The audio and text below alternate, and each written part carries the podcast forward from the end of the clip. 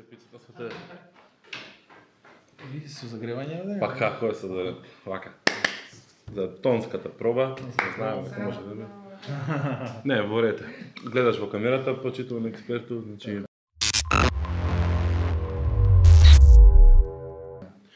Добар ден, добро вечер и добро утро.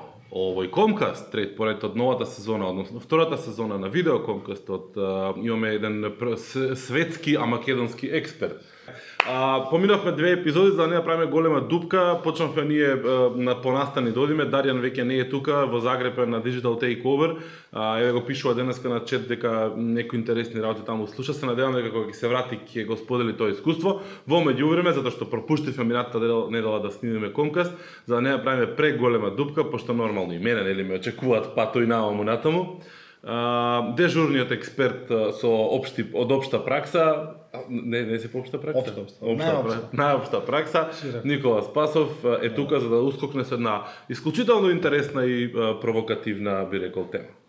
Значи, јас дојдов тука за да пополнам само вашиот простор в дуре, дуре дупката, добрето. Не, не, не, мислам ти си прва.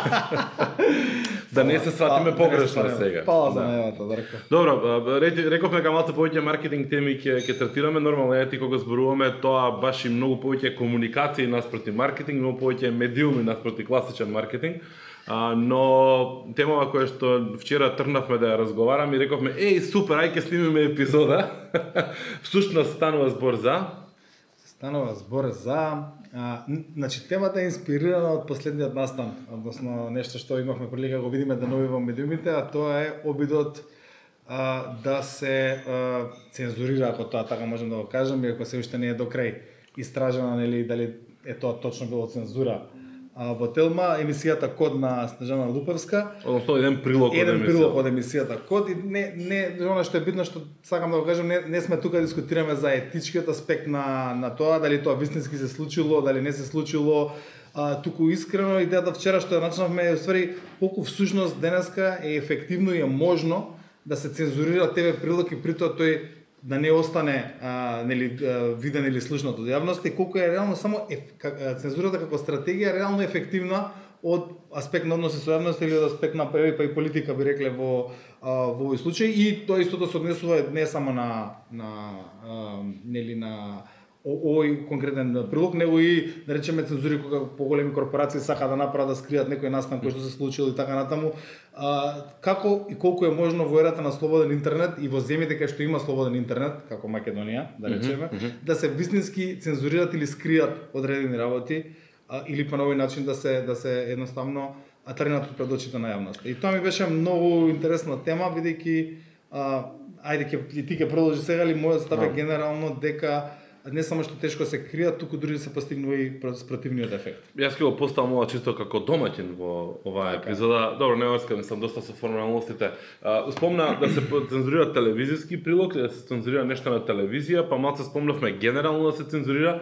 А, ајде да, да, да ги поставиме границите. Значи ќе дискутираме за генерално нешто да се изцензурира, нешто да се сокрие од јавноста или ќе зборуваме нешто да се сокрие од да речеме условно речено пошироката јавност преку масовните медиуми. Иако сега ќе навлеземе во друга дебата дали интернетот денеска е масовен или не е масовен медиум, мислам дека е масовен. Да, ама мислам дека тоа е прешироко да одиме. Не, Да. идејата беше, значи, ајде прво да видиме, па ќе ги видиме и, две, и двата аспекти. Прво, колку е можно, да речеме нешто што е веќе постои како содржина, во овој случај сниман прилог да биде скриено од јавност со тоа што ќе се цензурира од, телевизија. Значи тоа е едно а, колку може веќе постоечки материјали да едноставно бидат скриени од јавноста во еран интернет. На овој начин, поготово на овој начин и со оваква стратегија која што сега се обидало да се направи во овој случај, барем како што се сугерира. Добро. А и второ и генерално колку е, е, можно да се цензурира на интернет, бидејќи има бевме сведоци во изминатиот период на многу такви обиди, почнувајќи од Турција, нели, о- Да. скандалот кој што беше со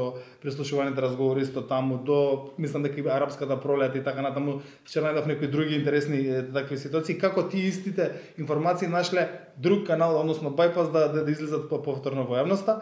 И така да тие тие две теми и она што е нешто е многу интересно, а што може да го продискутираме, што мислам дека ќе биде интересно да се слушне, е како Кина всушност бидејќи Кина е земја во која што реално е регулиран интернет, односно постои цензура на интернет.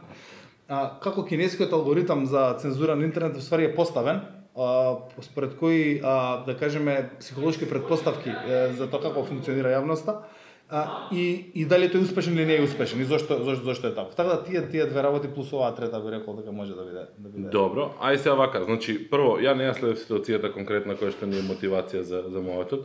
А, дали на кај излезе прилогот некаде се појави прилогот? Да, апсолутно. Про- Добро. Значи што, што ајде да почнеме прво тезата што ја начнавме вчера што мене ми беше Аха. интересна бидејќи имаше во Србија неодамна ист сличен сличен пример каде што Да. се случи истото и од таму ми ми дојде идејата.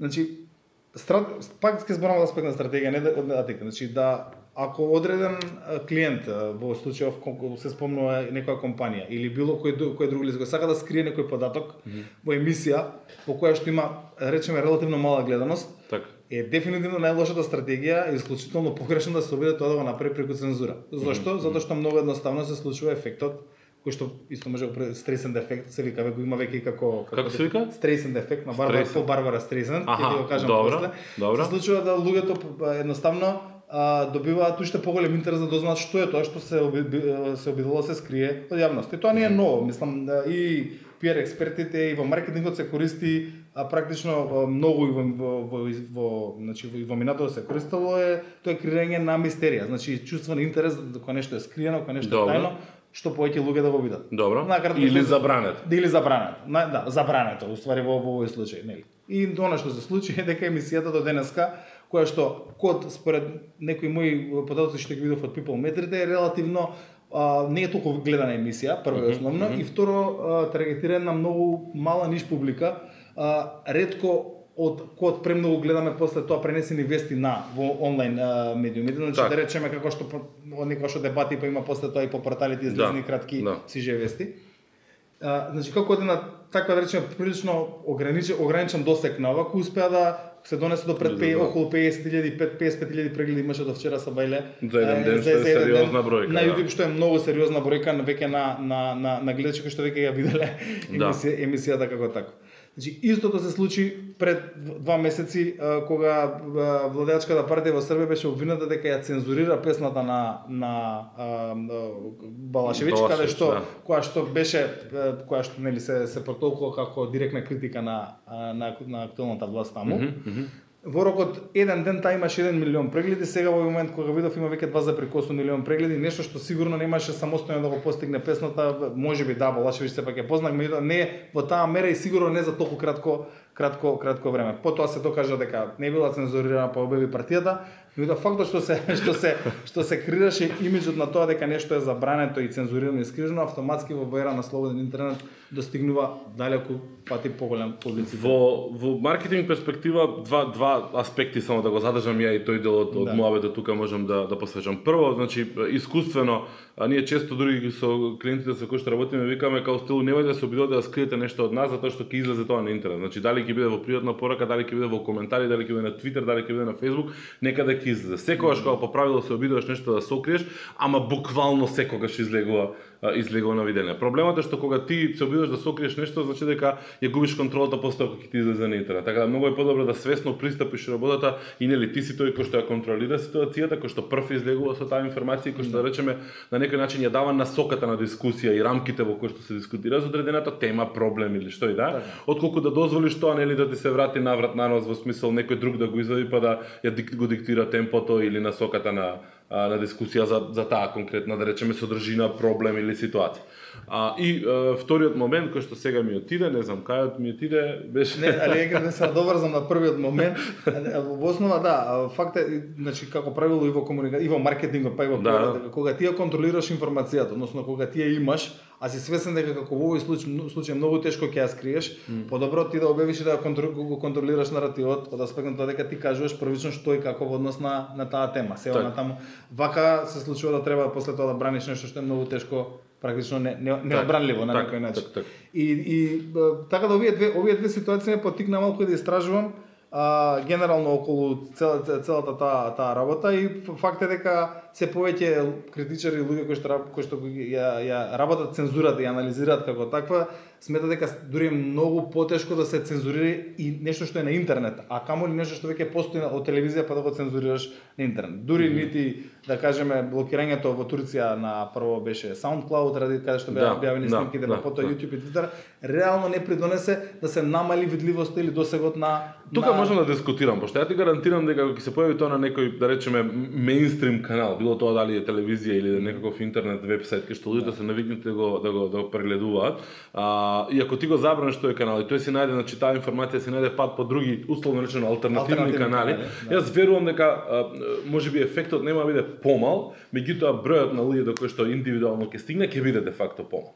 Веројатно да, веројатно можеби тоа е веќе пак во треба да влеземе во домен на бројки на анализа да не е Да, да. зборуваме. Јас читав една таква анализа конкретно за Турција, Аха. која што и мислам дека имам тука, може ми да отворам, а меѓутоа она што го што го тврдеше таа анализа, ај сега го немам линкот отворен, али добро. Значи во основа дека според нивните проценки на на они собирале после тоа прегледи и така натаму другите портали дека во принцип а, постигнате многу висок број на нагледаност кој што не можат они да го компарираат бидејќи првичниот оригиналниот канал е затворен. Меѓутоа, според некои други, да речеме слични ситуации, кога YouTube би бил нели отворен, а, а не затворен, би било прилично отприлика приближно слично би била би била би била. Значи тоа пак зборувам дека тешко е да се процени, но фактот дека се крира и се заинтегри заинтегри за за и заинтересира јавноста. Е. Јавноста со Левел експерт Да, малку да. пониско ти падна сега, Да. Значи, нивото на за- експертиза. Значи тоа тоа го го го практично го прави мислам го зголемува речот на интернет. Едноставно тоа е тоа е тоа е така. Um, имаш еден пример кој што ти не се сеќаваше на него, мене ми текна која зборевме оваа тема маркетинг пример со цензурата каде да што има безброј примери по светот каде тоа намерно се игра. Не знам, со забранети спотови, со забранети а, реклами и така натаму, кој што леле сега ќе се појави на интернет цензурираната реклама на бред не за медици кој, која што не било дозволено да се пушта во по по телевизија. Всушност намерно правиш нека, некаков таков момент кој што се игра. Имаше за едно брашно, ако не се лажам, или беше каден или жито нешто на времето, негде 2008-2007 некако така беше кога беше некој да речеме цуд на на на блогерите во, во Македонија се изигра на добра таква приказна за забранета а, реклама, Реклама, да. која што супер си го постигна, си го постигна ефектот. Имаше големи дискусии тогаш дали била таргет публиката, целната публика таму не била бла бла бла. Сите тие муабети на страна се се се заврте тој тој муабет соодветно. Одамна не сум видел во Македонија некој да направи таква финта намерно. Може би последно нешто такво беше промоцијата на Лофт, ако се сеќаш кој ги извади Да. про флаерот Да, ли што беше тоа. Така да Имаше и неколку кампањи, билборд кампањи кои што беа празни, нели првично со црн билборд, па после тоа ги отвараат пораките. Не Добро, ма тоа не е нешто забрането, нешто не е забрането, цензурирано. да. Али повторно сакам да кажам, апел, мислам се На да контраефект, чувството да, на да. на Недозволено. Да, недозволено или пак мистерија, што има? Значи чувството на мистерија, значи нешто што е забрането пак на некој на незабрането. Што е со Кина? Ајде ми кажа дека ќе ќе ќе кажеш за Кина. Е, Кина, из, сурфајќи по, нели, по темава која што вчера разговаравме, а, налетав на една многу добра анализа, која што мислам дека тебе ќе ти биде исклучително интересна. а И на нашите е- гледачи се разбира. Да, на нашите Кој што заборавивме да им кажем, абе, Да. значи ме заборавив да им кажам subscribe и да им се заблагодарам на сите што кликнаа subscribe минатиот пат, пошто имавме така еден убав скок, одиме понатаму силно цврсто. Силно цврст. Значи, а, се вика а, системот на Кина, а, цензорскиот систем на интернет се вика Golden Shield, така Добро. представиле, кој што во основа нема да влегувам, мислам и не не знам како функционира алгоритмот, меѓутоа она што е многу интересно е а, кога го правеле самиот систем, од кои основни пет предпоставки тргнале за луѓето, односно како луѓето размислуваат во однос на користењето на интернетот. Добро? И тие пет предпоставки се следниве. Значи, прво, најголем дел од луѓето се нетрпеливи. Тоа Добро. подразбира дека доколку доволно долго му блокираш одреден влез, ако треба да чека на пример минута две за да Аха. влезе на одредена страна, најверојатно ќе се тргне и ќе отиде на на на друга Добро, страна. значи Односно, успорува, Ако не ти се вчитува сајтот еден сат, ти правиш X и си одиш си одиш на на на на, на Добро. друг сајт. Добро. Втората е дека најголем дел од луѓето се мрзеливи. Односно дека нема дури да имаат ам, како да кажам а, начин како да стигнат до одредена информација на интернет, доколку тоа пара малце поголем труд Добро. и време за да го направат, многу мал процент, значи most humans, не не, не викаат сите, Добро. most humans, значи Добро. оние кои што нив ги интересираат како како како јавно мислење, како како целна група. Значи Добро. најголем дел од луѓето. Вика нема доволно да одат да бараат бајпаси и заобиколени патишта за да за да може да стигне до таа информација. Добро. Вика, после најголем дел од луѓето вика се неполитични или не се активисти. Односно, ги интересира политиката, ма никогаш толку доволно за они самите да се вклучат и лично да го сметаат тоа за проблем. Него со тек на време ќе го прифатат тоа како како нормално и нема политички да се активираат за тоа да го да го да го менуваат. Четврто вика најголем дел од луѓето се плашат од авторитети. Тоа значи дека ако смета дека прават нешто погрешно, односно дека со фактот дека се обидуваат да најдат заобиколена заобиколен пат за да стигнат до таа вест, веќе на некој начин ги предизвикуваат авторитетите, односно Системот, државата. системот, државата и најголем дел од луѓето не би го направиле тоа ради лична безбедност. И петото и мене најинтересно ми вика, најголем дел од луѓето се плашат од технологија, односно технофоби. Углавном, тоа значи дека дури да им кажат дека можат они да научат како со значи преку да, да напреднат IT или технички за, Добро. за да најдат, они не се спремни да се го учат и да се надградуваат како би стигнале до една информација. И фактот уствари во Кина е дека кинезите знаат дека не се дека има солиден процент од луѓето кои што доаѓаат до вестите кои што они условно тој ги цензурираат. Меѓутоа тој процент е толку мал што реално не влие никако, ме разбираш на по на поголемиот дел Е, лесно е у Кина, колку ги имаат они. Од јавната мислење. Тој процент е многу мал, 7 милиони. Да, 7 милиони кои што реално не се толку битни за јавното мислење, нити да, Да, да. го, го, го изместат системот. Чиста рака. И ми беше многу интересно да аспект што они се свесни, не е тоа апсолутна цензура. Добро, ама тие ги изолираат во некоја ситуација, ги оставаат да зборат, пошто нели имаш еден стар мобет со спинтернет, со Значи, дополнителна да, значи во основа ги следат, ги изолираат, меѓутоа сметат дека се дека тие не прават паралелни мрежи, него не таа информација ја враќаат повторно по други канали назад, што не го прават, него најчесто го користат за себе информирање и така натаму, тие не го сметаат тоа за закана. Значи, Аха, аха. а доколку се обидат тие информации да ги структурираат кои што ги они ги читаат и да ги вратат, тогаш веќе тоа е напад на Што значи на... дека овие што ќе решат да ги преминат овие граници кои што они ги дефинирале како Да. нели мас дека се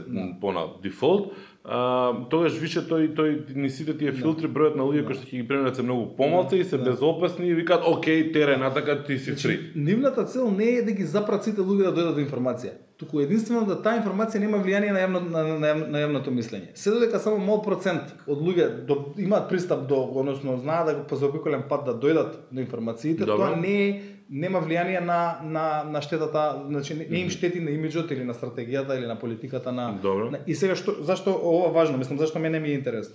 Интересно е затоа што и тие се свесни дури во земја која што го развила тој систем кој што е доста силен, мислам и кој што го има баш објаснено технички како е направен. Добро. А се свесни дека апсолутна цензура не е возможна, дека секогаш ќе се најде некој кој што ќе најде за Начин, обиколен да, пат, да. ме разбираш за да тоа за да тоа го и они единствено што ги интересира е фактот дека доволно цензурираат колку да нема влијание на јавното мислење таа информација која што сакаат да ја цензурираат.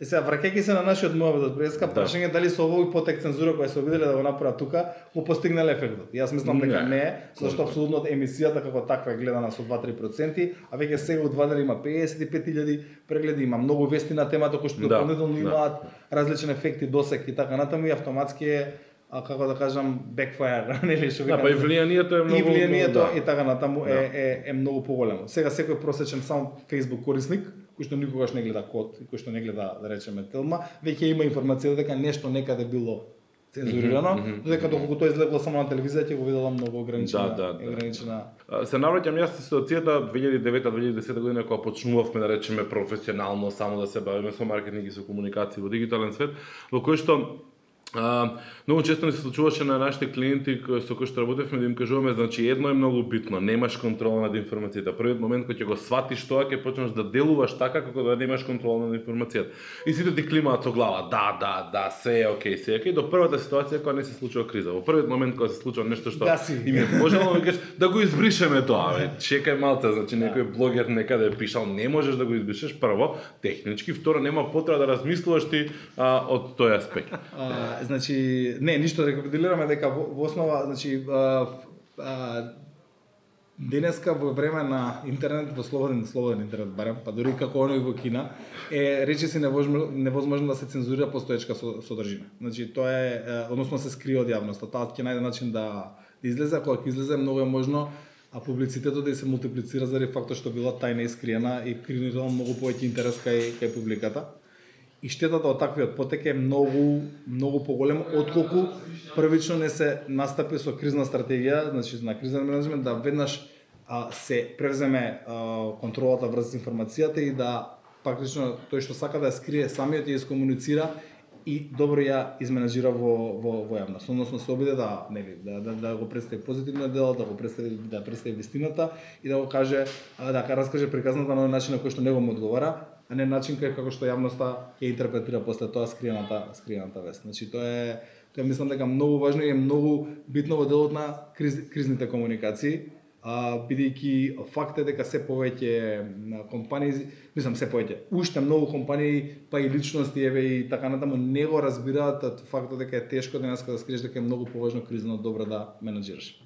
Од друга страна, ако сакате да имате поголем маркетинг ефект, тогаш крите информации, глумете лудило, правите фама околу тоа, ако сакате повеќе луѓе да дознаат. Да. Не знам друго како Или да го излучам. да, обратно искористете го истото. Ова Искористете во го своја истото, да. во своја полза, односно Тоа ќе биде врвот, врвот на Да. препознавање на, на признавањето на фактот дека да свесни сте дека на интернет не може да исконтролирате Да, да, ништо. и Доколку така, го изиграте овој момент, Доколку ова добро го искористите па во ваша полза, тоа подразбира дека знаете како да креирате нели чувство на забранета содржина, мистерија која што самото по себе одлична и стара користена маркетинг алатка за И за самиот крај, дали ја виде ти снимката која што беше забранета на интернет со Даријан како пее? Не, не ја видов. Е.